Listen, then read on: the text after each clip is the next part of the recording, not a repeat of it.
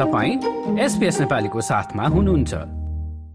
र श्रोताबिन्द अब भने पछिल्लो समय रिजर्भ ब्याङ्कले वृद्धि गरेको ब्याज दरको कुरा गरौँ। लगातार सातौं पटकको ब्याज दर वृद्धिले मोर्गेज तिरिरहेकाहरूलाई कस्तो प्रभाव पारेको होला त?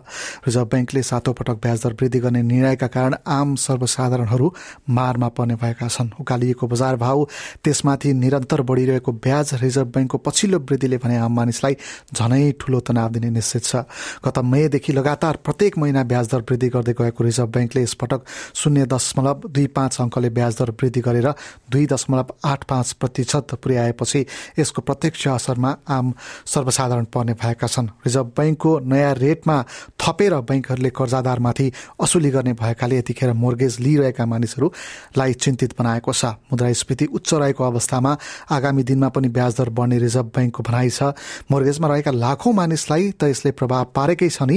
व्यवसाय गरिरहेका मानिसहरू झनै प्रभावित बन्ने बताइन्छ। पश्चिमी सिडनीमा ब्याङ्कबाट कर्जा लिएर व्यवसायमा लगानी गरेकी सेटा बाबरी ब्याङ्कको ब्याज दर वृद्धि हुँदा साना व्यवसायलाई असर पर्ने बताउँछिन्। मानिसहरूले पैसा बचत गर्न बचत गर्नका लागि कम खर्च गर्ने र यसको प्रभाव प्रत्यक्ष पर्ने भएकाले आफूलाई यसले चिन्तित बनाएको उनले बताएकी छन्।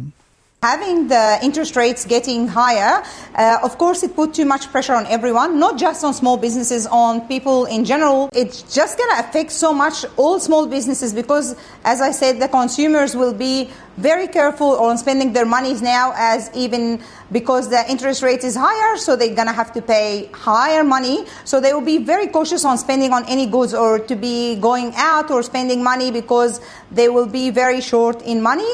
Uh, it's going to make their debt go longer for longer years. So definitely it's going to affect everything. And of course, it's making me worry 100%. मंगलबार रिजर्भ ब्याङ्कको ब्याङ्कले शून्य दशमलव दुई पाँच अङ्कले ब्याज दर वृद्धि गरेपछि नयाँ रेट दुई दशमलव आठ पाँच प्रतिशत पुगेको छ। रिजर्भ ब्याङ्कका गभर्नर फिलिप लो मुद्रास्फीति आठ प्रतिशत पुग्ने आकलनका बीच ब्याज दर बढाउनु पर्ने परिस्थिति आएको बताउँछन्। यता ट्रेजरर जिम चामर्स भने मुद्रास्फीति यसअघि ट्रेजरीले अनुमान गरेको भन्दा बढी भएको बताउँछन्। दबावमा रहेका अस्ट्रेलियाहरू अस्ट्रेलियालीहरूलाई यो तनाव दिने विषय भनेको उनले बताए। This is another difficult day for Australians who are already under the pump. The Reserve Bank has uh, changed their forecast for inflation. They now expect inflation to peak around 8% towards the end of the year. Uh, the Treasury's expectation is more like seven and three quarters, but they have always said uh, that the risks when it comes to inflation are on the upside, given what's happening uh, in energy markets as a consequence of the war in Ukraine and given the upward pressure on grocery prices brought about uh, by flooding of some of the prime farmland in eastern Australia in particular. केन्द्रीय बैङ्कले अस्ट्रेलियाको मुद्रास्फीति निकै उच्च रहेको चेतावनी दिइरहँदा अन्य देश देशमा पनि अवस्था उस्तै छ अस्ट्रेलिया नेशनल विश्वविद्यालयका अर्थविद भेन फिलिप धेरै घरहरूमा ब्याज दर वृद्धिको प्रभाव देखिने बताउँछन् pretty substantial increase in interest rates, and this will mean obviously quite substantial increases in interest repayments for most households. Uh, mostly, this will be impacting households that are typically middle and potentially higher income households. Um, so, certainly, some pretty serious impacts for household finances in, in the near future. विदेशी बजारमा अन्यलता र बाढीको प्रभावले पनि बजारमा महँगाई बढाइरहेको बताइन्छ यद्यपि मन्दीको सम्भावना भने नरहेको अर्थविद फिलिपले बताए I think in the short term that seems unlikely for Australia at the moment. Certainly the uh, unemployment rate is very, very low. Um, the economy is still reasonably strong and robust. We've had retail sales figures just out yesterday that were pretty strong, and we've seen very, very strong figures. So we might come back a little bit from that, but at this point, the economy is, is reasonably strong.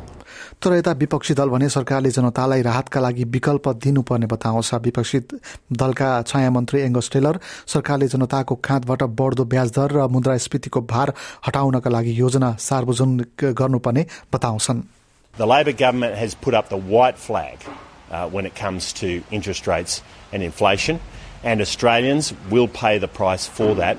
I, I've stood here now six times in a row since I became Shadow Treasurer uh, each time saying what we need from the government is a clear and comprehensive plan to take pressure off interest rates and inflation. And my hope, and I think many Australians' hope, was that we would see that in the budget. We clearly didn't. It was a missed opportunity.